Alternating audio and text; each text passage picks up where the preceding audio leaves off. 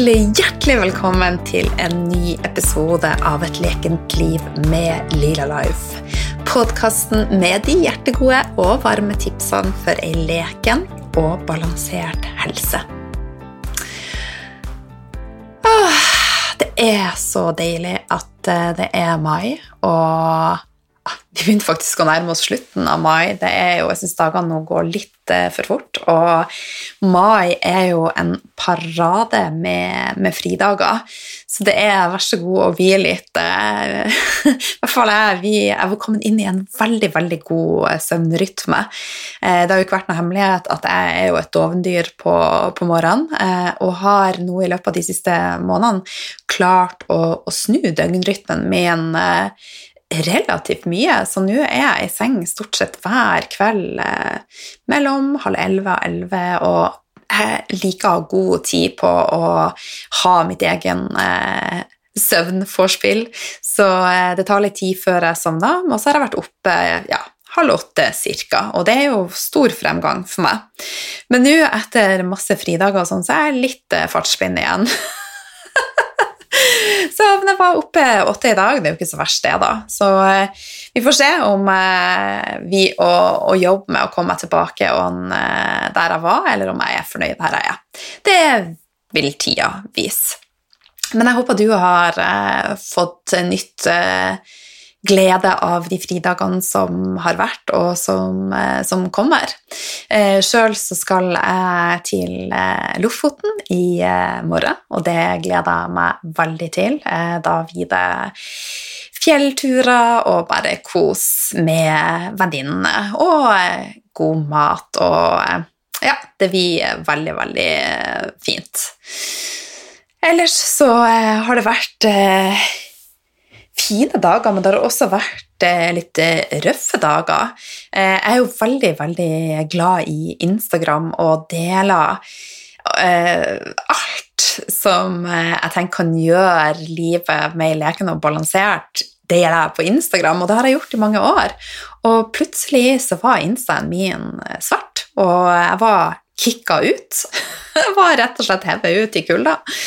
Eh, og min første tanke var jo at jeg var hacka, for det er mye, mye der ute. Og det er trist at folk faktisk opererer på, på det energifeltet, spør du meg. Men eh, Eh, jeg lærte veldig mye av det. Eh, for at den gamle meg hadde blitt veldig veldig stressa og kava ekstremt med å skulle fikse det og komme inn. Eh, jeg hadde et møte med teamet mitt, og vi gikk gjennom sånn type praktiske ting og bare sjekka de tingene som vi kunne. og så ga jeg slipp. Jeg sletta faktisk Instagram. Og så tenker jeg er det meninga, så kommer jeg inn igjen. Og ingen kan ta fra meg min identitet. Eh, så min stemme, han forsvinner ikke. Så ja, en ny start er jo alltid fint, så da hadde det blitt en ny Instagram-konto. Men eh, da når jeg prøvde igjen etter, eh, litt etter et døgn, da, så kom jeg inn. Så, eh, så det var fint. Så da gjerne heng med meg på, på Instagram, eh, lila-life. Deler ja, mange, mange gode tips.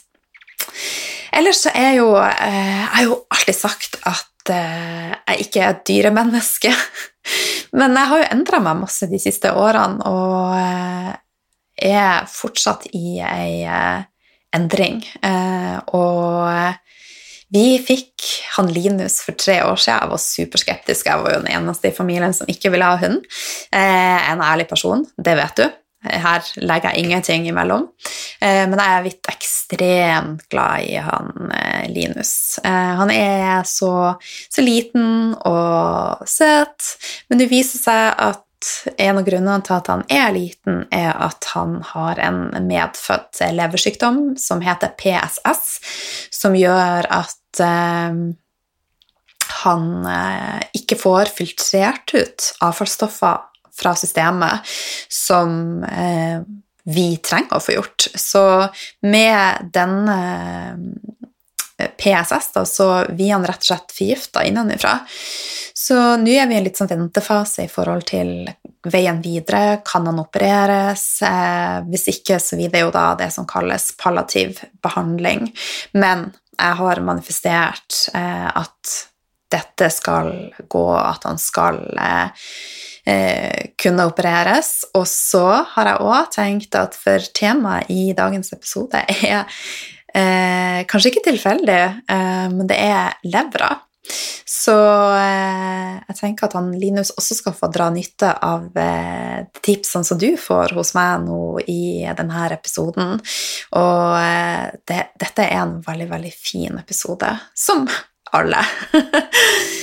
Så jeg skal komme tilbake til hva vi skal snakke om i dagens episode ganske så snart.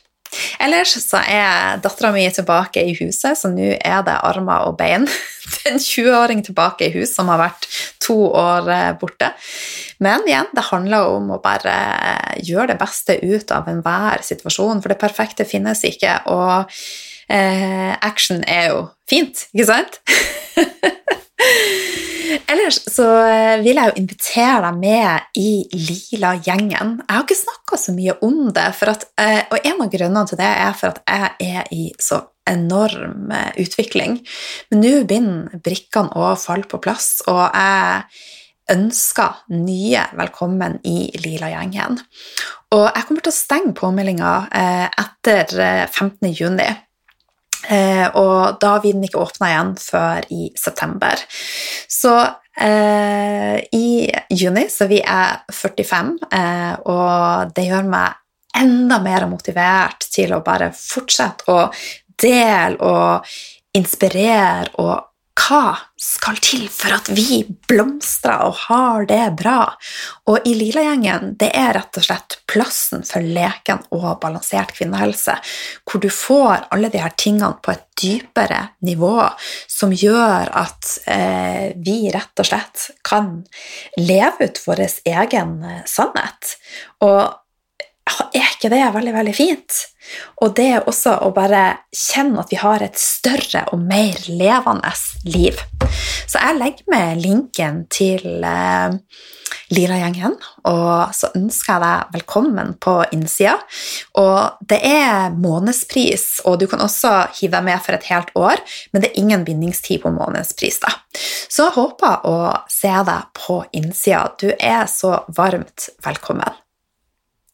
Så tilbake til eh, dagens eh, tema på episode 118. Så 2021 er det året jeg kommer til å forbinde med detox. Jeg har jobba meg gjennom organ for organ. Og I prosessen så har jeg skjønt at det er så mye, mye mer enn å jobbe med den fysiske kroppen. Og jeg føler at jeg på mange nivåer og planer har blitt bedre kjent med innsida av meg av organene som jeg har jobba eh, gjennom og connecta med, er levra. Og jeg har jo delt små drypp i sosiale medier, og det er mange som har etterspurt en episode om leverens. Og da var jo ikke jeg i tvil om hvem jeg skulle invitere med som gjest, så i episode 118 så har jeg med meg helsecoach Anniken Najeli, som har spesialisert seg i detox. Og i dag så snakker vi om leverens og dens eh, og funksjon til levra. En klem til levra. Hvorfor leverens? Hvordan renser vi levra, og viktige urter, mat og tilskudd i forhold til levra. Kaffeklyster. Kommunikasjon med organene. Visualisering. Hvordan finne balanse spiritualitet og mye mer. Så med det så skal jeg slutte å skravle, og så aller siste ting Jeg blir superglad om du deler innholdet. Husk at det kan være med å gjøre forskjell for et annet menneske. Så del, del, del, og med det så hopper vi inn i dagens samtale med ho Anniken. God lytt. Hjertelig velkommen, Anniken. Så hyggelig å ha deg med igjen på podkasten. Ja, tusen takk for at jeg fikk komme igjen. Min og lytterne sin glede.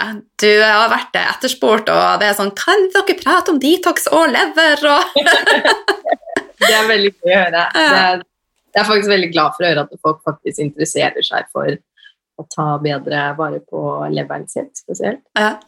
Jeg var faktisk um, ute i går kveld uten å drikke. Jeg er veldig fornøyd. Jeg mota meg opp og så tenkte jeg at jeg skal faktisk klare å være ute og skal ha det artig uten å drikke. Og selv når jeg kom, så var de som jeg møtte da, hadde vært på fest i tre timer. Så jeg måtte jobbe veldig hardt energetisk. Men da var det en som jeg fortalte at jeg skulle spille inn podkast om lever i dag. Og han ble så interessert. Så det er mange som uh, syns dette er dritkult.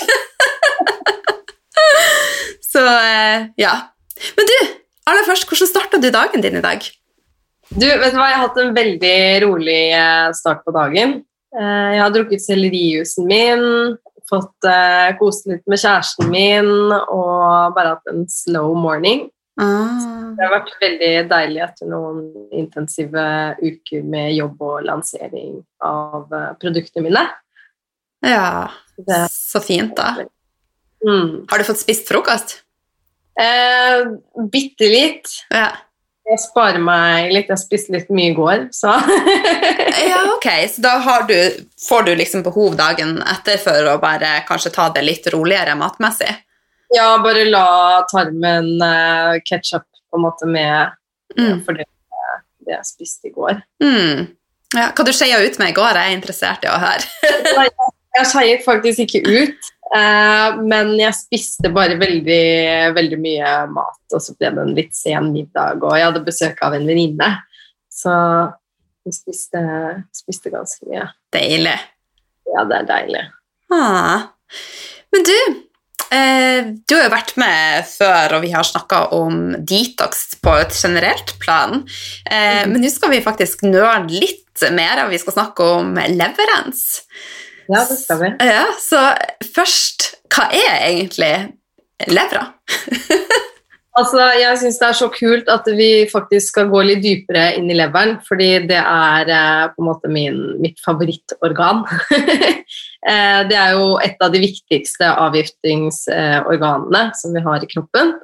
Eh, og leveren er jo ansvarlig for å metabolisere næringsstoffer, eh, hormoner, forskjellige toksiner og miljøgifter som vi blir eksponert for.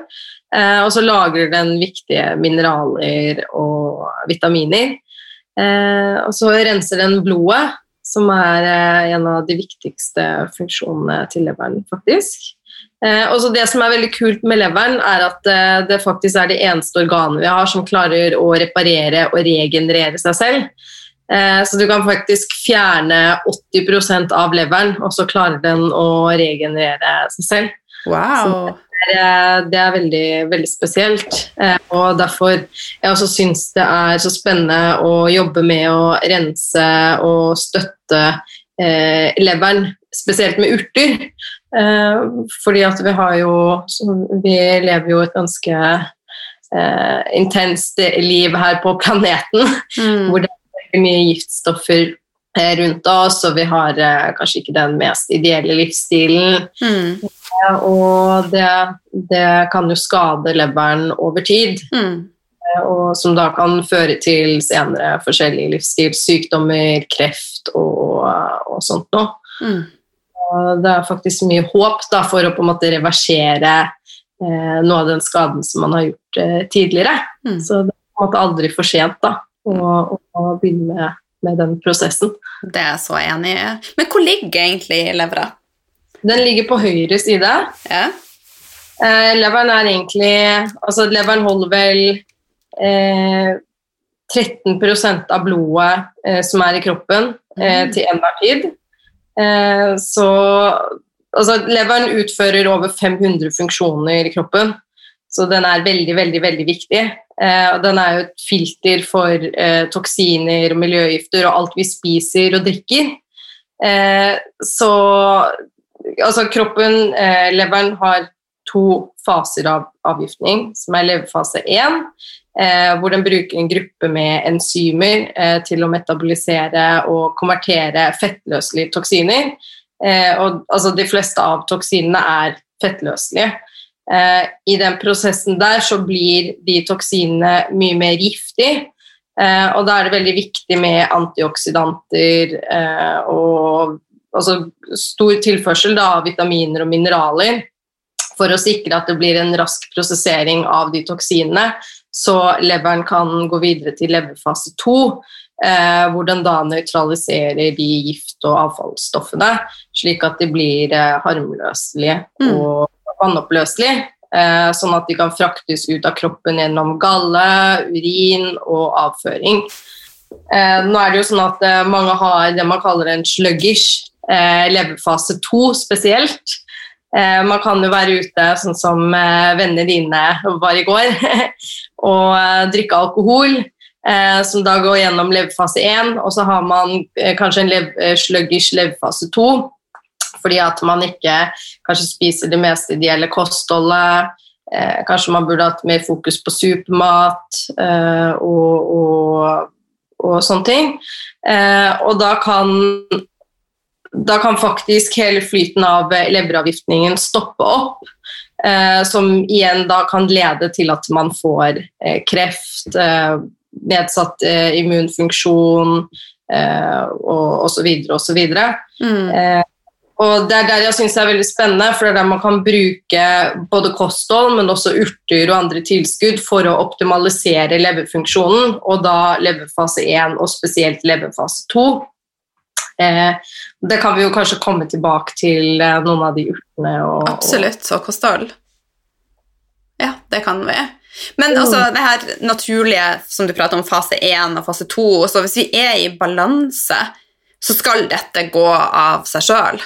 Yes. Ja. Eh, og da kan man jo f.eks. Det er jo noen som eh, kommer, eller mange som kommer til meg som opplever at de føler seg ganske forgiftet. Eh, og det jeg hører eh, ofte at eh, i hvert fall de som kommer til meg, da, eh, de kan drikke litt alkohol, og så føler de seg helt forferdelig dagen etter. altså De føler seg virkelig forgiftet. Mm. Eh, og altså, Nå er jo ikke alkohol eh, ideelt på en måte det ideelle å, å få i seg. Men hvis du har en optimal eh, leverfase 1 og spesielt leverfase 2, eh, så er leveren i stand til å metabolisere det relativt smidig, Mm. sånn at vi får så sterke eh, reaksjoner. da. Så sånn type reaksjoner kan jo tyde på at man har en mye mer sluggish eh, leverfase 2. Sluggish, hva mener du med det? Eh, altså at den er veldig treg. Ja. At, det går, at uh, metaboliseringsprosessen går veldig tregt. Mm. Eh, At det da på en måte hoper seg opp. Eh, så hvis, sant, hvis leverfase 1 og leverfase 2 er optimalisert, eh, så er egentlig hele systemet optimalisert. Eh, fordi altså når man snakker om eh, leverrensing, så, så kan det høres ut som at man avgifter leveren. Eh, men det er jo noe leveren allerede gjør av seg selv. Men ved å optimalisere leverfase 1 og levefase leverfase 2, eh, så støtter du leveren i alle de prosessene med å nøytralisere og eliminere de giftstoffene, sånn at det ikke eh, på en måte akkumuleres toksiner. For det er det, egentlig som skjer hvis du har en sluggish eller en treg eh, leveravgiftning. Eh, så lagrer du eh, mye mer av de miljøgiftene og toksinene som du utsettes for i miljøet eller gjennom livsstilen din. Mm. Så ved å støtte leveren og fokus på eh, leverrensing, eh, så kan du faktisk hjelpe leveren med å kvitte, kvitte seg med mye mer av de toksinene fremfor at det lagres. Ja. Så det er rett og slett eh, Istedenfor en detox, så er det en varm klem til levra. Ja, det, vet du hva, det er akkurat sånn jeg liker å se på det. Mm. Virkelig, Når jeg tar mine leverstøttende urter, så er det for meg som å vise kjærlighet til leveren min. Mm. Det er å gi den en varm klem, rett og slett. Ja. Men er det sånn at du gjør det gjennom hele året, eller gjør du det i faser? Um, altså Generelt så anbefaler jeg å gjøre en mer intensiv eh, leverensprotokoll eller leverstøttende protokoll én til to ganger i året. Eh, og spesielt på våren, sånn som tiden vi er i nå, i mai, Mm. er jo helt ideell, helt perfekt for å gjøre en eh, dypere vårrengjøring. Eh, gjøre oss klar for sommeren osv. Eh, men generelt så er jeg egentlig veldig fan eh, personlig da, av å ta eh, gi leveren min daglig støtte eh, med, med urter, som er ganske skånsomme og milde eh, for systemet. Mm. Eh, og mange av disse urtene som da støtter leveren, er eh, milde urter som egentlig kan tas over lang tid uten at det er farlig eller skadelig for, for kroppen på noen måte. Har du noen eksempler på det? Urter som er Ja, altså eh, Veldig mange kjenner jo til mariatistel, eh, det som heter milk tistel på engelsk. mm. Eh, den er jo blitt forsket veldig mye på, og vi vet jo at den beskytter leveren mot toksiner, den bedrer leverfunksjonen, altså den optimaliserer leveren, eh, og den også kan redusere leverskade. Eh, og sånn som Maria Tistel støtter jo leverfase 1 spesielt. Eh, og så har du f.eks. løvetann, som også er en veldig rensende eh, og støttende urt. Egentlig både for eh, lever, men også for nyrer. Eh, og den støtter spesielt leverfase 2. Ja. Eh, og så har du en annen urt som heter Shisandra, som egentlig er en av mine favoritturter. Eh, man kan egentlig kalle det en adaptogen urt. Men den også er veldig leverstøttende og støtter faktisk både leverfase 1 og leverfase 2. Mm. ja. Men Det er veldig, det er veldig lurt jeg skal bare si det, det er veldig lurt når man tar disse urtene, at man kombinerer flere urter, så du ikke bare tar urter som støtter leverfase 1, men også støtter leverfase 2. Det er veldig viktig. ja. Det var ny læring. Så herlig. Eh, Mhm. men Shisandra sier du er en adoptogen. En løvetann, er det også en adoptogen og marietistel? Eller er det Nei, de klassifiseres eh, egentlig ikke som adaptogener. Nei. De er mer tonifiserende urter. Ja. Eh, jeg har jo eh, begynt å dy eh, dykke dypere ned i det som kalles tonic herbalism i kinesisk medisin, eh, som, som har med disse tonifiserende urtene å gjøre. Eh, og sånn som I kinesisk medisin så regnes eh, tonic herbs, eller tonic urter, som urter som eh, er veldig skånsomme, og som styrker og nærer og bygger opp systemet. Mm. Og det kan man egentlig ta i veldig lang tid, og til og med i kinesisk medisin så er det eh, generell aksept for at det er noe man kan ta livet ut for å, å styrke og støtte kroppen gjennom, gjennom livet, egentlig. ja. Så fint, da. Mm. Men eh, i forhold til levra, hva vil du si er versting sånn i forhold til eh, det livet vi lever? Ja, hvor skal man begynne? Nei, men eh, my, mye av det er jo sånne ting som man eh, kanskje ikke ser og dermed ikke tenker så mye på. Det er jo disse miljøgiftene, eh, disse tungmetallene da, spesielt, som er i luften og som er i maten vi spiser, plastikk og sånn fra matemballasje. Eh, det er jo sånt som virkelig bygger seg opp og er virkelig skadelig for kroppen på så Mm. mange plan. Eh, men så har du jo også usunt kosthold, spesielt alkohol, rusmidler og medikamenter. Ja. Det kan jo være altså, medisiner som du har brukt for mange år siden. Sånn som valium f.eks. kan være lagret i over 20 år i vevet ditt. Wow. Eh, ja, så, så eh, selv om man på en måte kanskje ikke har gjort disse tingene eller tatt disse tingene på mange år, så kan de fortsatt være i systemet ditt eller påvirke systemet ditt den dag i dag, da. Ja, men da, når man setter i gang med en sånn dypere rens, så vil de tingene da bli sjøfla ut av systemet? Ja, hvis du klarer å Eller hvis du jobber med å optimalisere både disse elimineringsorganene, som spesielt leveren, eh, også nyrene, nyrene eh, og disse detox pathwaysene, Mm. eh, kroppens detox-kanaler, da, rett og slett. Eh, og så, sånne ting som leverfase 1 og leverfase 2, sånn at kroppen faktisk klarer å nøytralisere og eliminere de eh, toksinene som er i blodet, og som du mobiliserer fra dypere i systemet. Og når du på en måte har det under kontroll, da, eh, da kan du begynne å adressere de toksinene som ligger eh, lagret mye dypere i kroppen, i skjelettet og hjernen og, Mm. og sånne ting. Fordi da, da, da klarer kroppen eh, bedre å håndtere når du mobiliserer, altså når du trekker ut de toksinene, eh, som er dypere i systemet, og bringer dem ut eh, i lymfesystemet, i blodet, eh, og som da blir filtrert videre gjennom leveren. Fordi at Hvis du da har igjen en sluggish lever, altså en treg lever, eh, så kommer bare de toksinene til å sirkulere i blodet og bli gjenopptatt i kroppen. Eh, og da får, ikke, da får, du ikke, eliminert det på en trygt, trygg måte.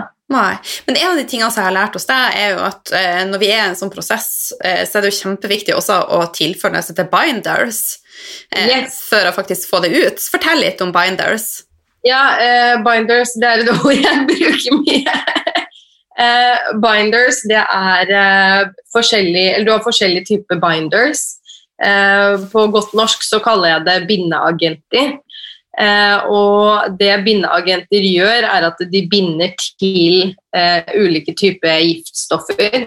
Altså det kan være kjemikalier, tungmetaller, eh, det kan være toksiner som forskjellige mikroorganismer eller mikrober mm. Eh, produserer i, i, kroppen. Så binder den til, til eh, disse toksinene, sånn at det kan trekke med seg det ut gjennom kroppen og eliminere det på en trygg måte, uten at det blir redistribuert i kroppen igjen. Da. Mm. Hva er dine favoritter av uh, type binders? Um, jeg liker egentlig å kombinere flere typer binders for å få bredere, uh, bredere effekt, da, rett og slett. Ja. For du har noen uh, binders som binder, eller har sterkere bindeeffekt mot f.eks. muggsoppsporer. Mm. Og så har du andre binder som er eh, bedre egnet for eh, spesielle typer tungmetaller. Så, men eh, jeg er veldig glad i å bruke bentonite clay, eh, bentonittleire. Eh, noen ganger så bruker jeg også aktivert kull, eller kombinerer aktivert kull med bentonite clay. Eh, aktivert kull blir også brukt på sykehus hvis noen kommer inn og er veldig forgiftet. Mm. Det er mer sånn egnet for akuttilfeller da, enn eh, nødvendigvis over lang tid. Eh, fordi no, noen av disse binders jeg nevnte nå, de eh, binder også til, eller kan binde til næringsstoffer og mineraler, spesielt over tid. Eh, og det er jo ikke, det er jo ikke veldig heldig. Eh, og så har du zeolitt som er en veldig sterk binder spesielt for eh, tungmetaller. Eh, og så har du chlorella, som egentlig er min favorittbinder. Eh, men som, ikke, eh, som er mer selektiv på den måten at den ikke trekker med seg noe særlig mineraler og vitaminer. Mm. Og den også kan tas eh, sammen med mat eller nærmere mat enn det noen av de andre bindersene kan. da. Uh, og så er den i tillegg Den har jo en veldig bred næringsprofil, så den blir jo sett på som uh, Om ikke den beste supermaten vi kjenner til, så er den en av de beste supermatene vi har tilgjengelig på den planeten her. Ja. For den er spekket med så mye gode næringsstoffer. Nå begynte jeg å crave chlorella. Jeg har ikke brukt det nå på noen uker. Jeg bruker zeolitt. Så ja, det skal jeg skaffe meg noe asap. Så, men eh, la oss si at man er ute på en sjalabais og spiser et dårlig måltid og eh, drikker masse alkohol. Er det lurt da å bare kjøre på med binders? Eh, faktisk så mener jeg det. Altså, jeg er jo for eh, balanse på den måten at eh, jeg syns man skal ha en fundamentalistisk tilnærming til eh, kost og helsen sin og sånt. Jeg mener jeg også liker å ta meg en fest eller å skeie ut med hva jeg spiser. Eh, hvis jeg har spist noe jeg virkelig kjenner ikke landet godt i magen, eller det f.eks. ble litt for mye sukker enn systemet mitt klarer å takle, Eh, da går jeg i skapet og så tar jeg ut noen av bindersene mine, så drikker jeg det. Ja. Um, hvis jeg har vært ute på en fest eller eh, kost meg med et par glass vin, eh, så eh, hender det at jeg bruker binders, eh, eller så bruker jeg faktisk leverstøttende urter eh, når jeg på en måte er enten er kommet hjem fra festen eller før jeg skal legge meg. da. Mm. Og spesielt dagen etter. Ja. Så hvis, jeg, hvis, det har vært en skikkelig fest, og man våkner opp dagen etter og er liksom ikke i den beste formen, eh, da, da, da, pleier jeg i hvert fall å kjøre på med litt binders og så etterpå litt eh, leverurter. Ja, en C-vitamin har òg hørt fint når man har drukket. Ja, C-vitaminer er jo veldig viktig. Det er jo en eh, ja, kjempeviktig antioksidant. Eh, så den er jo spesielt eh, gunstig for leverfase 1. For å beskytte Siden leverfase 1, der, er, der blir eh, de forskjellige toksinene ofte mye mer toksiske enn de var før de ble metabolisert av leveren. Mm. Eh, og det fører til at man, det er mye mer frie radikaler i systemet. Eh, og da er det veldig godt å ha gode C-vitaminnivåer og andre antioksidanter i systemet for å beskytte mot ja. ja skjønner. Skal ta med meg alle de tipsene som skal jeg sende til de som var på fest i går. Men du, vil du si at det er viktigere å rense levra kontra andre organer og systemer i kroppen vår? Altså, jeg må jo si at jeg har jo en spesiell forkjærlighet for leveren og har mye fokus på leveren, eh, siden det faktisk er et så viktig avgiftningsorgan eh, og er så sentralt i kroppens avgiftningssystem. Eh, så ja, jeg vil egentlig si det. At det er eh, spesielt viktig å ha fokus på leveren sin eh, fremfor andre organer.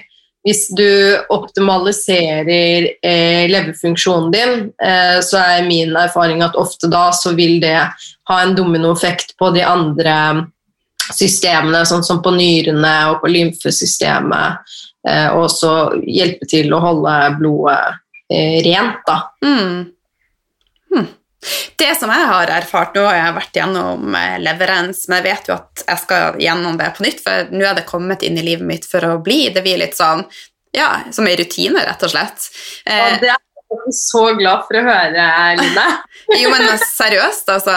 Eh, det blir jo bare mer og mer eh, altså Det går jo mange lys opp for meg hele tida, men altså det viktigste for meg er jo å ha det bra i min egen kropp. Og jeg mhm. kjenner jo at jeg kommer nærmere og nærmere kjernen, selv om det har vært Hold for ørene et helvete tidvis. ja, ja, ja, ja. altså, Nå er jeg ærlig, men jeg har jo faktisk eh, Nå er jo du min coach, eh, Dito-coach, da, og jeg har jo vært dårligere for at ting kommer opp til overflata, og ting også som jeg bare What? What? Hva er det her? Så, men det er jo en eh, Sånn som nå, nå det vi har holdt på i fem måneder, ish, ja. så ser jeg jo at jeg er blitt bedre. Eh, ja. Så det Og Burdock spesielt og har vært veldig fint for, for levera mi. Ja. ja. Og i kombinasjon med alle de andre tingene. Mm, mm. Ja. Det er jeg skikkelig, skikkelig glad for å høre. Mm. Det, er jo, altså, det, er jo, en veldig dyp prosess, spesielt hvis man går mer bevisst inn i det, sånn som spesielt du har gjort. da. Mm. Eh, når man detoxer. Eh, jeg ser på det som eh, Altså, det kan virkelig transformere på så mange plan. Mm. I, altså, en av mine favorittleger som jeg følger, og som også er min detox-guru, dr. Klinghardt, han snakker om hvordan for hvert eh, toksin vi bærer, så er det linket med traumer og måte, stagnerte eh, emosjoner og minner som vi har. Mm. Eh, og det, det, tror jeg virkelig på, rett og slett fordi jeg også har opplevd det selv. Mm. Og jeg har eh, gjort eh, detox. Og da kunne både rense ut disse toksinene som er i kroppen, optimalisere hvordan kroppen fungerer også som en helhet. Mm. Eh, det, det, gir også mulighet for å slippe eh, mye følelser og vonde ting som vi også bærer på i kroppene våre. Ja. Også emosjonelt og energetisk spesielt. Eh, og det gjør at eh, vi kan kunne på en måte rense bort flere av disse lagene som står mellom oss selv, da, for å kunne eh, være et menneske her i, i denne virkeligheten med mer tilstedeværelse å være i dypere kontakt med oss, som også gjør at vi klarer å relatere til andre mennesker på et dypere plan. Mm. Ja. Jeg tenker også, Det ene leder jo til det andre. sånn at eh, Akkurat nå så leser jeg boka jeg har nevnt det på podkasten flere ganger nå, men det er 'Anatomy of the Spirit'. Og, liksom det, og det var jo en av de tingene som du har introdusert meg for å snakke til organene mine. Jeg tenker Vi kan jo bare ta det nå, for det det også mye fokus på i den boka. Eh, for vi er jo en fysisk kropp og en eh, energetisk kropp, og vi kan miste krafta vår rett og slett med måten vi snakker til oss sjøl, og måten vi tenker om oss sjøl, og måten vi tenker om andre. Så det er jo en sånn mental reise også. Absolutt, absolutt. Ja. Jeg kjenner at jeg har veldig lyst til å lese den uh, boken for å lære enda mer og få flere perspektiver. Den er fantastisk. Jeg har nettopp fått den og er snart ferdig med den. Jeg har lest halve, men uh, den er veldig, veldig ok. Og nå var det noen uh, Jeg har en bibliotek bibliotekar i min medlemsportal, og hun hadde funnet ut at den òg er på norsk for de som ikke har, har lyst til å lese på engelsk. Da. Men jeg vet at du har lyst til å lese den på engelsk. Ja. Så jeg kan legge med navnet på hva den heter på norsk også med episoden, for det husker jeg ikke. Men det var et dårlig navn. det er sånn typisk og dårlig oversatt. ja, ikke sant. Det er typisk. Ja. Så eh. Men jeg er helt enig med deg. Det er veldig viktig å, å uh, kommunisere med kroppen, og jeg oppfordrer til å kommunisere både med organene, spesielt som vi har fokus på da i de forskjellige uh, detox-fasene av et lengre detox-program. mm. Og så oppmuntrer jeg også til å kommunisere med urtene. Eh, og for noen så kan det høres eh, litt rart ut, eh, men jeg tror jo virkelig at alt, alt lever og har sin egen bevissthet. Og jeg ser jo på planter som levende, levende da. Mm. Og, og at alle har på en måte en spirit. Eh, så det går an å kommunisere med disse plantespiritsene eh, for å be om assistanse og, og for å fokusere og dele din intensjon om hva det er du ønsker at de skal gjøre i kroppen din. Enten hva du har lyst til å rense ut eller kvitte deg med Ja. eh, av, av andre i andre lag. Da. Absolutt. Det, det har jeg også opplevd eh, har vært veldig eh, kraftfullt. Ja. Og så er det også det med visualisering, for det fokuserer hun mye på i boka. Det er ikke noe man gjør av og til, det er noe vi gjør hele tida, og så Ja. vil eh, magien skje da. Så jeg tenker også, jeg bruker hver morgen og kvelden å visualisere Eh, altså, når jeg og du starta, så hadde jo jeg eksem eh, i ansiktet, jeg hadde eksem på fingrene mine, og nå har jeg bare én liten flekk igjen i handa, så jeg visualiserer at den flekken og den spotten er fin, med kjærlighet. da, Bare sånn 'Du kommer til å bli så bra!' ja, eksempelvis.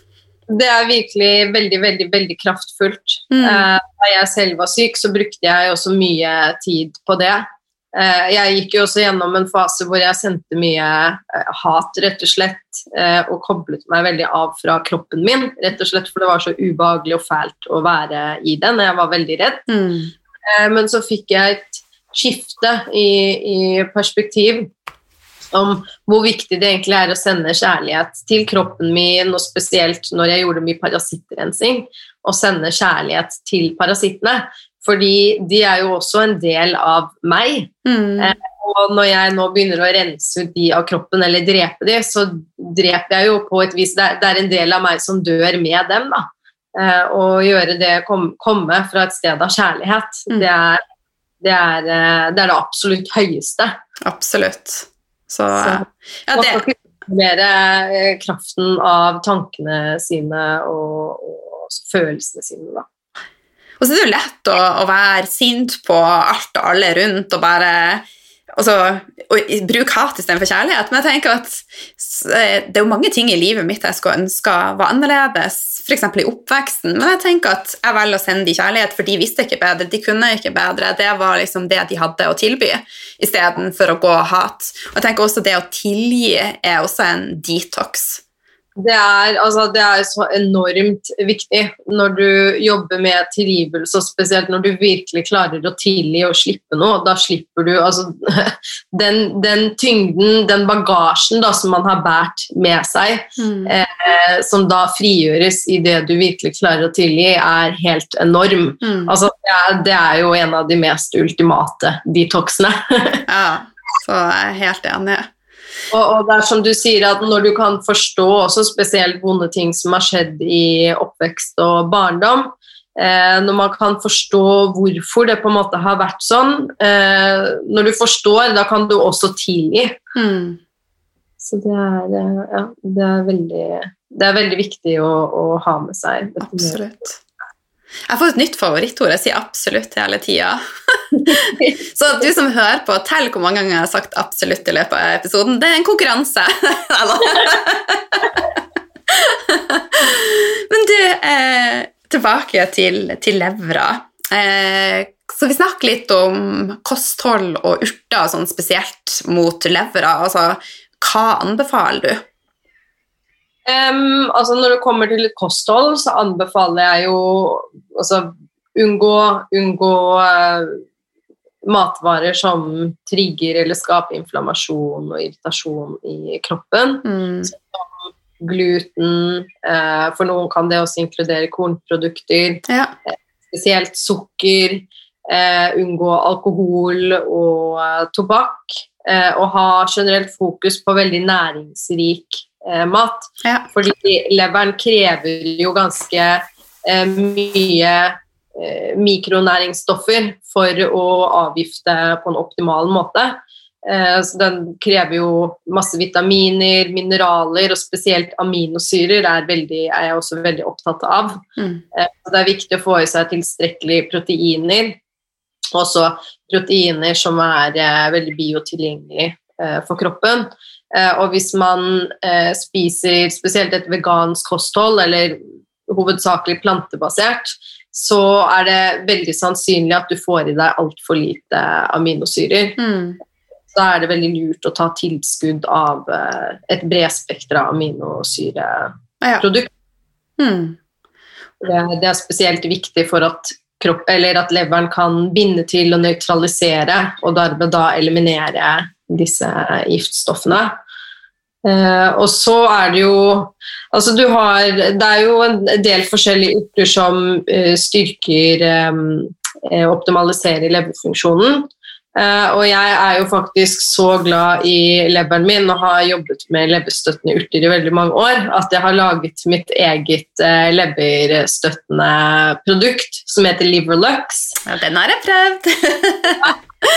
Den anbefaler jeg virkelig også hvis man har lyst til å jobbe mer med leveren sin. Enten bare for å gi den litt eh, daglig kjærlighet, eh, eller om man har lyst til å, å prøve seg på en litt dypere rens over en eh, kortere periode. Mm. Så da, la oss si at eh, du har Kari hun ønsker sånn som hun ikke å gjøre noen sånne store endringer, og hun ser at det er uoverkommelig, men hun vil likevel ha støtte av å eksempel ta sånn som liver lux da.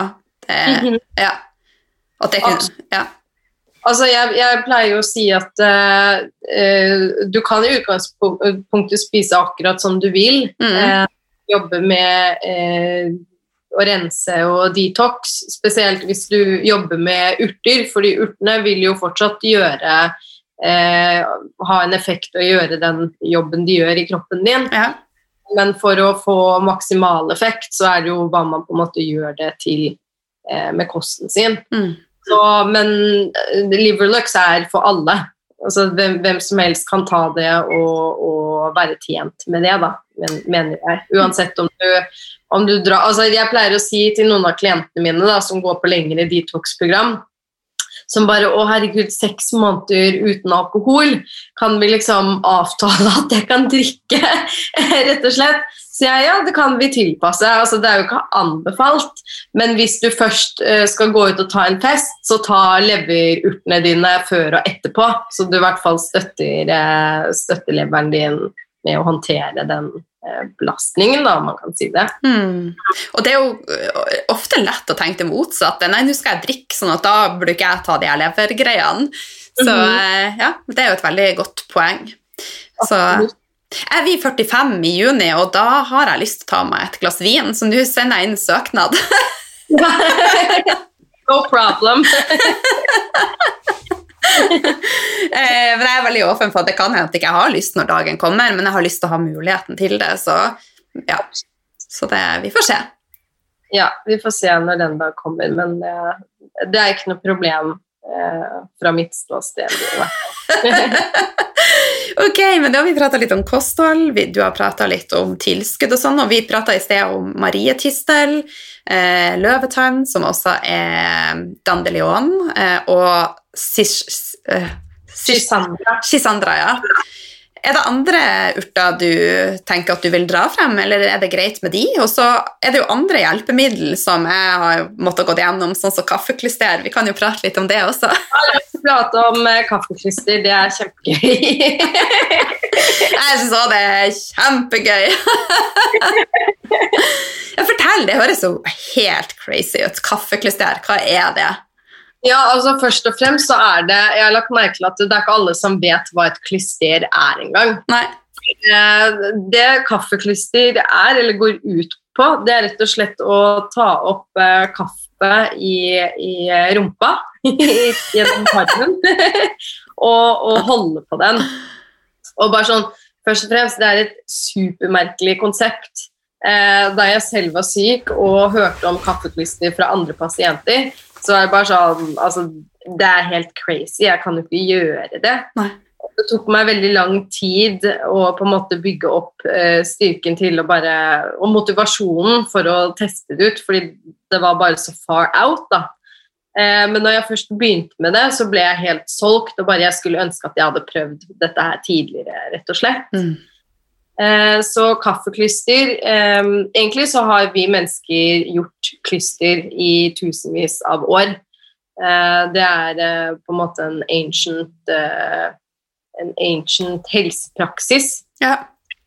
som vi har brukt av for flere fordeler. Da. Men kaffeklyster var det en lege som het Gerson, som utviklet på midten av 1900-tallet.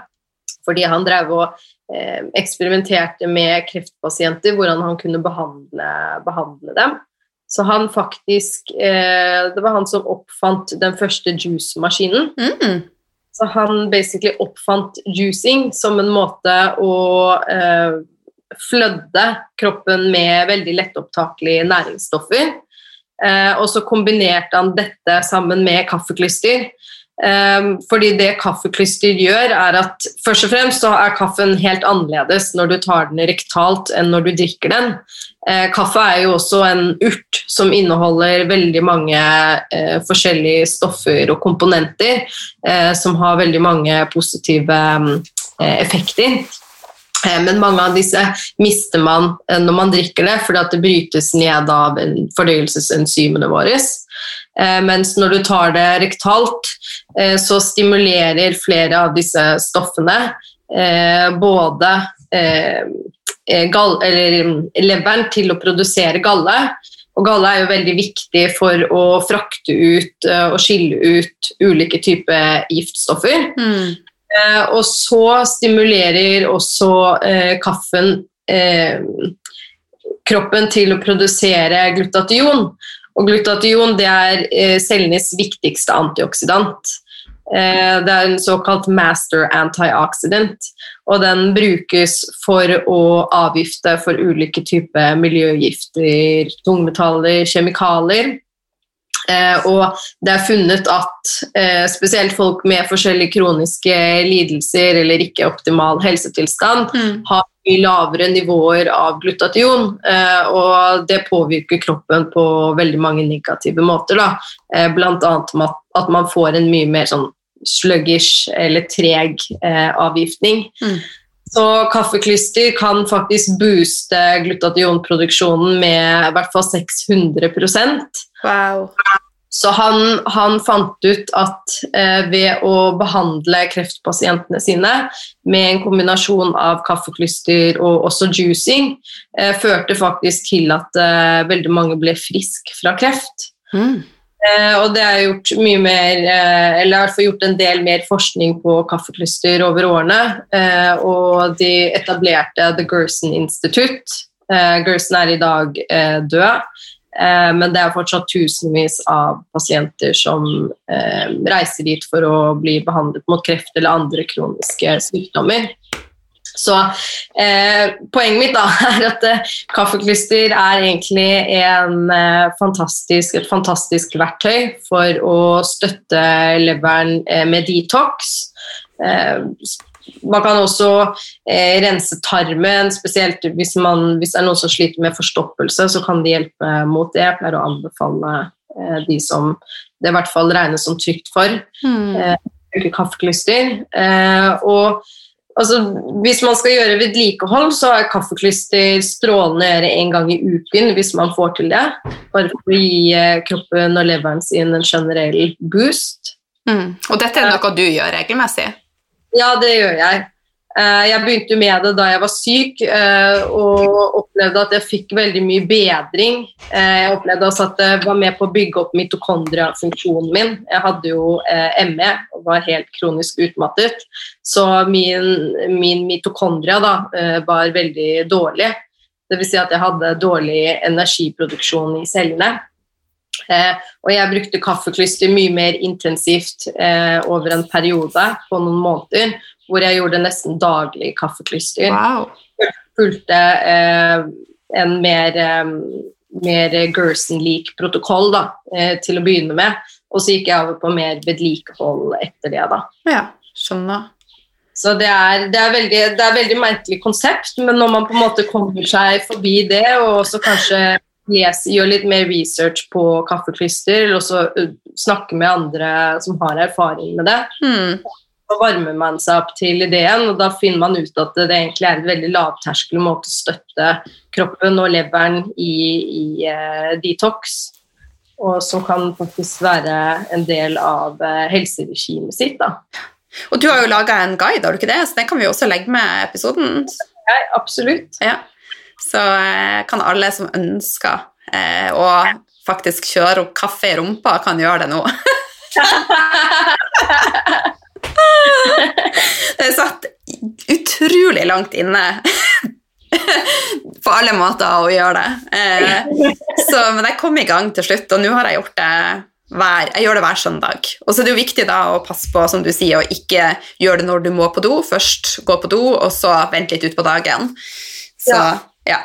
Det er viktig å få tømt tarmen eh, først, sånn at man ikke reabsorberer mange av de toksinene. Og så blir det vanskeligere å holde på kaffevæsken. For vi snakker jo om ca. en liter med væske som skal inn. Mm. Um, det er veldig lurt. Og så kan det ta litt tid eh, når man først begynner med det. For det er jo også muskler som er i magen og rundt tarmen, eh, som man for så vidt også kan trene opp med kaffeklyster, som er en annen eh, fordel.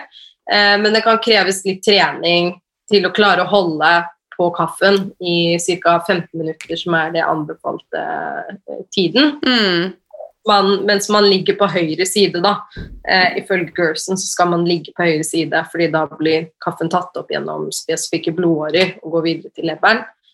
Eh, men etter man har gjort det et par ganger, så pleier prosessen å gå mye raskere og enklere for seg, og, og, og man klarer å holde det så lenge som man skal, da. Hmm.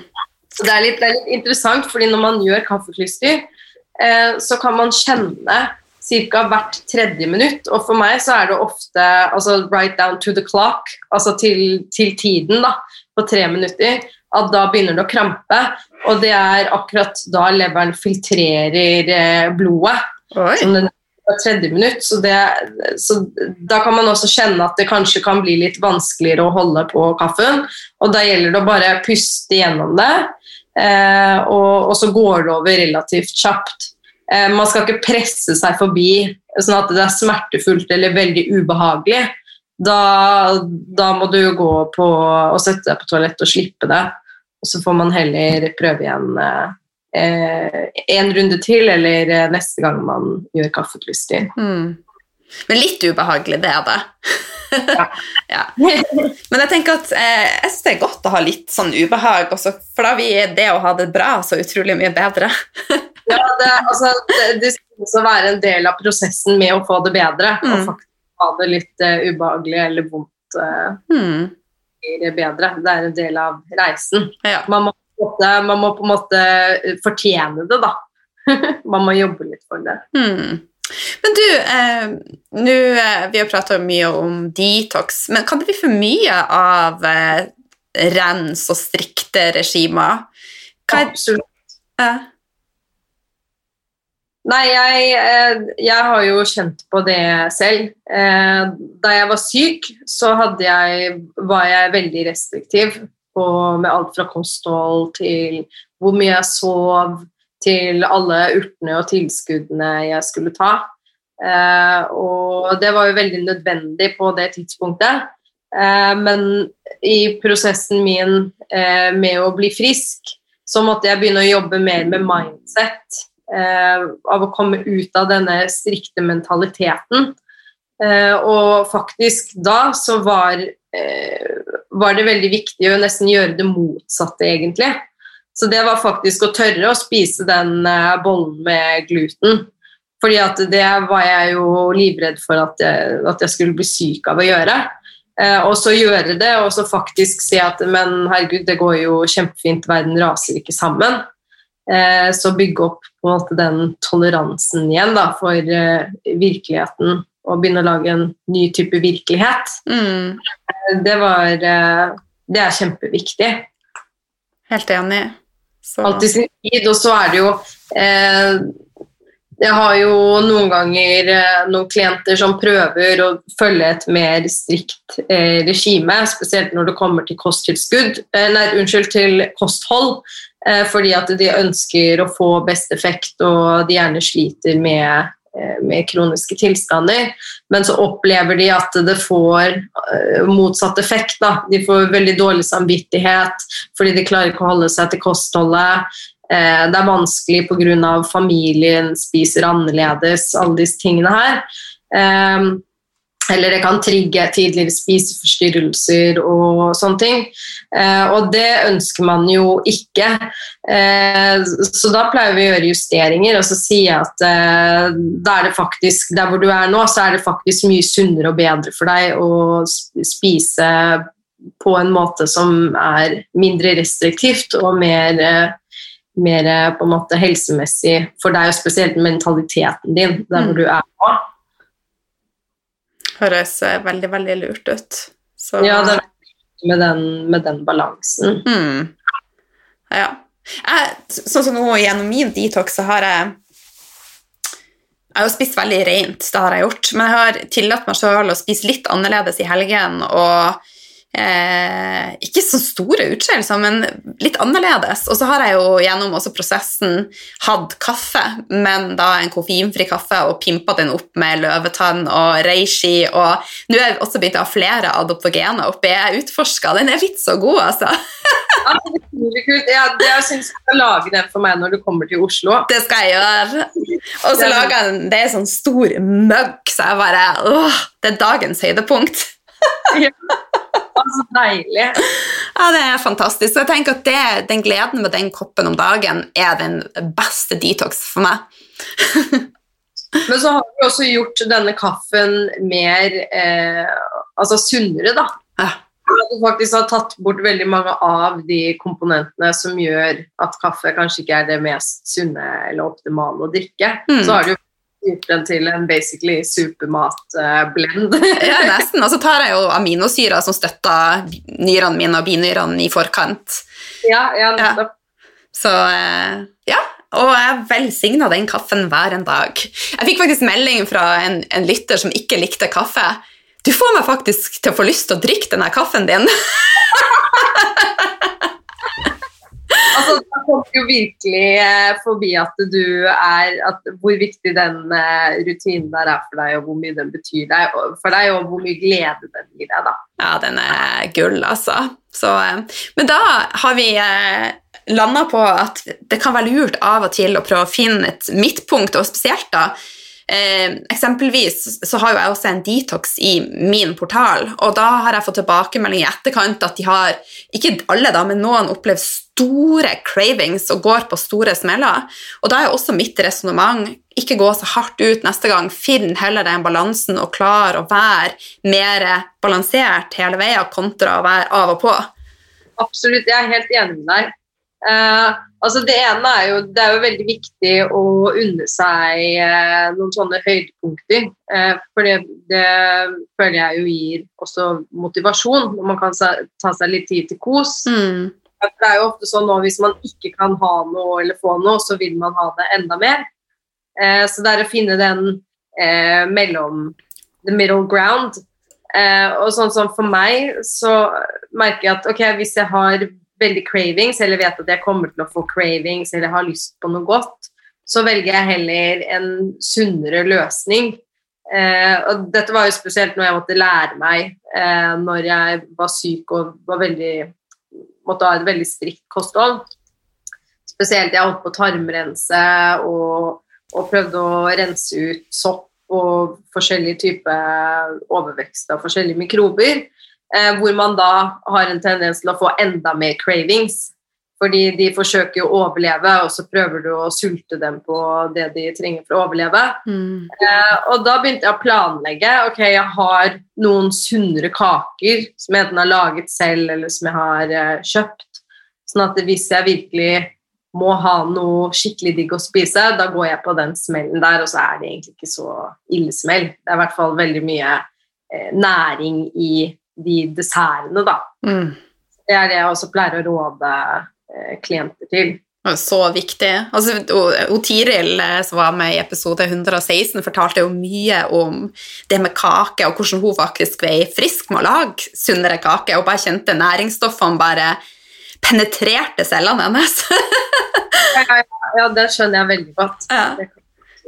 Så det er jo et veldig godt poeng at man kan skape nye historier. Altså Kaffe trenger ikke å være kaffe, man kan lage en skikkelig lila kaffe, og vi kan lage kaker som er så sunn at de bare nesten eksploderer.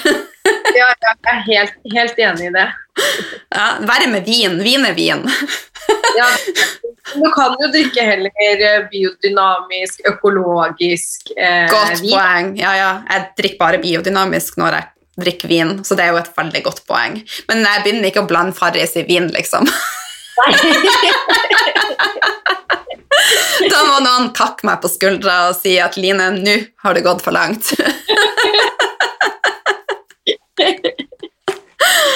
Så eh, ja, og, Men eh, vi kan også konkludere med at det kan være godt å gi litt F, eh, og det kan også være en god detox, men alltid se for etter de lekne alternativene, da. Definitivt. Mm. Så er det jo sånn Jeg er jo veldig opptatt av at eh, detox det er en nedbrytningsfase. Det krever jo veldig mye av eh, kroppen og bruker mye kapasitet på hele avgiftningsprosessen. Mm. Så etter man har gjennomgått en, en sånn type prosess, så er det veldig sunt og godt for kroppen å slippe opp. Ha fokus på bare hvile, eh, næring, bygge opp kroppen igjen. Bare avslapping, da, sånn at kroppen kan gå inn i en annen type modus. Mm. Så det Ja, nei, jeg er helt enig i det. Men du, Anniken, mye har jo skjedd eh, i livet ditt siden du var med på, på podkast sist. Altså, du har jo eh, lansert en egen eh, brand. Fortell litt. Ja, Yoshibo. Eh, det er, eh, vi er et livsstilsbrand slash kosttilskuddsmerke. Eh, og jeg har da lansert mine første tre urtebaserte kosttilskudd. Vi kaller de elixirs, så det er tinkturer. Og da er en av de er, som jeg nevnte tidligere, er Liverlux. Ja. som er et, en tinktur for å optimalisere og styrke leverfunksjonen. Eh, og så har vi Light, som er en eh, urteformula som inneholder mer eh, adaptogene urter for å booste energi og gi mer fokus, som er perfekt å starte dagen sin med, egentlig. Og så har vi Breed, som er en er en formula som styrker lungefunksjonen og også immunforsvaret. Så eh, det er jeg kjempeexcited for. Jeg har et eh, skikkelig herlig team med kjæresten min og en veldig god venninne av oss. Så vi har jobbet med dette her ganske lenge, og det har vært en prosess med å finne eh, riktig type samarbeidspartner som har en like stor kjærlighet for urter og lidenskap for urter, eh, sånn som eh, oss. Eh, og klarte til slutt å finne, finne en, og nå har eh, produktene kommet til live og blitt en realitet. Å, fantastisk. Ja, jeg har hatt lenge en drøm om å kunne dele eh, magien som er i urtene, og alle formlene mine. Gjøre det mer tilgjengelig for, for andre mennesker, ikke bare for klientene som, som jeg har. Mm. Så jeg anbefaler absolutt å sjekke de ut. Eh, vi har jo vært veldig opptatt av å sikre den beste kvaliteten. Eh, så urtetyngturene våre er eh, veldig potente. Så vi har en veldig rik sammensetning av plantemateriale som sikrer at man får best mulig effekt. Da. Mm. Så du finner i hvert fall mer informasjon om Yoshibo på yuxibu.com. det, det er mange som tror at For det skrives Y-U-X-I-B-U, som tror at det heter Yuxibu, eh, men man uttaler det Yoshibo. Eh, og det navnet er egentlig eh, veldig spesielt for oss, fordi det kommer fra en stamme inni regnskogen som Mm. heter Min. Det er en indianerstamme. Eh, og Yoshibo for dem, det er eh, spiriten av natur. Det er sjelen i natur, sjelen som lever i alt. Eh, og det er jo det vi har lyst til å fremme. Det er å fremme denne connection som vi, vi mennesker egentlig har til naturen. Og, og fremme dette planteriket. Og også dele om eh, Altså spesielt eh, mer eldgamle tradisjoner og bruken av urtemedisin og urter for å fremme helse. Mm. Så det er virkelig en drøm eh, som går i oppfyllelse å kunne Men som du har jobba hardt for, så du har jo vært veldig flink. Det har vært blod, svette og tårer, virkelig. ja. Og du har jo laga de her uh, sjøl, har du ikke det? Ja, altså jeg, Vi og jeg har egentlig gjort alt selv. Har, eh, jeg har satt sammen formlene, eh, som jeg også har utviklet over flere år. Eh, og så har vi designet Vi har gjort alt det grafiske, det estetiske uttrykket. Flaskene, alt, alt sammen har vi gjort, gjort, selv, og det er jeg egentlig veldig stolt over. fordi da har vi kunnet også sikre at vi får, at vi får presentert og formidlet på eller med et visuelt inntrykk da, som vi ønsker å, å sende ut. Fantastisk. Fantastisk, fantastisk. Og gratulerer! Ja. du, eh, vi skal ikke avslutte riktig ennå, men vi skal begynne å runde av. Og da har jeg to spørsmål som jeg har lyst til å eh, spørre deg. Og det første er hva er spiritualitet for deg? Mm. Det er et uh, skikkelig fint spørsmål. Uh, for meg så er spiritualitet noe veldig intimt. Uh, det er for meg å tro på noe mye større enn meg selv, uh, og så dyrke tillit til denne høyere kraften. jeg anser meg ikke som religiøs i det hele tatt, men jeg anser meg som veldig spirituell. egentlig så er jo alle mennesker spirituelle av natur, slik jeg ser det. men for meg så handler også spiritualitet om å rense bort lagene som blokkerer meg fra å connecte med meg selv og virkeligheten eh, på et dypere plan. Eh, fordi at jeg ønsker å være mer til stede i meg selv og i virkeligheten. Eh, og jeg ønsker å liksom føle og oppleve virkeligheten på en mye dypere måte. Da. Så jeg vil, føle, jeg vil føle følelsen av kjærlighet, ydmykhet, medfølelse og connection til menneskene jeg elsker, og mine medmennesker. Eh, og, og, måten jeg føler at jeg kommer nærmere og nærmere det, er å jobbe med meg selv. Og da spesielt å jobbe med mine skyggesider. Altså mine traumer, mine begrensninger, mine forestillinger, mine mønstre. Eh, og bryte ut av disse programmeringene, sånn at jeg kan bli mer bevisst og mer våken. Eh, og da også kunne dyrke mer av de gode kvalitetene som jeg har, men også som vi mennesker egentlig har. da. Som er sant, kjærlighet, medfølelse, forståelse, fred eh, og ydmykhet. Mm. Så, og jeg føler jo sånn at hvis ikke jeg jobber med meg selv, og spesielt hvis ikke jeg jobber med mine sår, så kan ikke jeg hjelpe andre.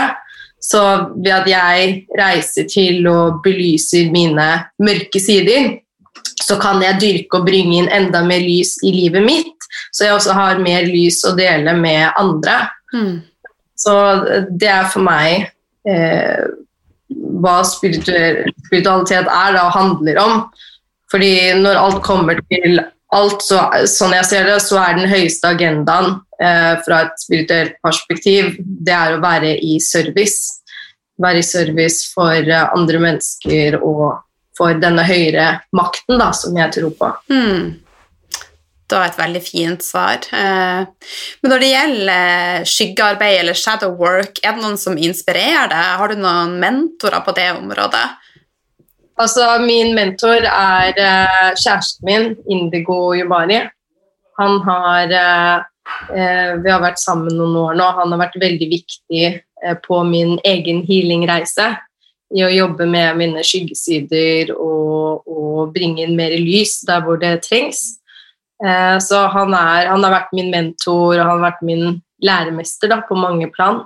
Mm. Eh, og han har, han har eh, lang erfaring i å reise selv inn i sine skyggesider, og så har studert eh, med sjamanistiske tra tradisjoner. Eh, og har eh, gått veldig dypt inn i, inn i det, så han er både lært veldig mye av og fått veldig mye assistanse. Mm. Han skal jo gjeste podkasten, så nå fikk jeg jo et tema jeg tenker å prate med han om, så du må bare for, forberede han på at vi er om eh, skyggearbeid, altså. ja, ja, det skal jeg gjøre. Nei, jeg gleder meg skikkelig til at han skal gjeste på podkasten din. Jeg tror eh, veldig mange han, han, er virkelig en inspirator da, kan inspirere veldig mange. Mm. Og er veldig kunnskapsrik og har veldig mye eh, fantastiske perspektiver på livet som jeg tror kan hjelpe veldig mange mennesker. Om, om man bare ja, blir revet litt ut av det mindset man har og kan se eh, livet og verden og virkeligheten fra et mye høyere perspektiv. Mm. Eh, det har en tendens til å gjøre ting litt lettere. Ja. Min, min erfaring. Ja, enig. Men du, hva gjør at du er din beste versjon av deg sjøl? Eh, jeg vil si at eh, det er fordi at jeg er på denne selvutviklingsreisen. Eh, jeg søker hele tiden mot frihet og fornyelse. Mm. Eh, og jeg har ikke lyst til at eh, historien min eller det som skjedde i går, skal avgjøre hvem jeg er i morgen. Eh, så ja, jeg vil egentlig si at det er det som gjør at jeg er den beste utgaven eller versjonen av meg selv. Fordi jeg hele tiden søker å bli bedre. mm. Ja, konstant reise, og så er det noe med å, å bare la den reisa være målet, istedenfor å tenke at livet det starter når vi har nådd det og det. Det er akkurat det. Mm. Akkurat det. Og det, det, er jo ikke alltid like lett å huske på, det må jeg jo ærlig innrømme. Det er jo en sånn dans hele tiden. Mm. Eh, men at man på en måte kommer tilbake til det, da. Det, det, det er mitt holde, holdepunkt. Mm. Du, helt på tampen, er det noe som jeg har glemt å spørre deg om, som du har lyst til å tilføye, som vil være eh, av verdi for lytteren? Altså, jeg føler vi egentlig har fått uh, snakket om uh, veldig mye forskjellig og kommet med gode uh, tips og råd. Mm. jeg vil virkelig Altså, målet mitt er jo å formidle eh, mulighetene da, som er med, eh, spesielt med urter. Og virkelig Hvis du er nysgjerrig på urter, gjør litt research om eh, forskjellige urter og teste ut. Eh, se på det som en del av eh, kosten din, egentlig. Fordi at det kan virkelig være et veldig positivt tilskudd til å egentlig bare optimalisere livskvaliteten, da, er det jeg vil si. Mm. Veldig, veldig fine innspill. Ja. ja. Hvor kan folk treffe deg? Jeg finnes på Anniken Nayeli på Instagram, eh, på detox.no. Eh, og så finner du jo eh, urteproduktene mine på Yoshibo, altså på yuxibu.com. Tusen takk, Anniken, for at du var med og delte av din kunnskap og kjærlighet. Hjertelig takk for meg, Line. Så hyggelig.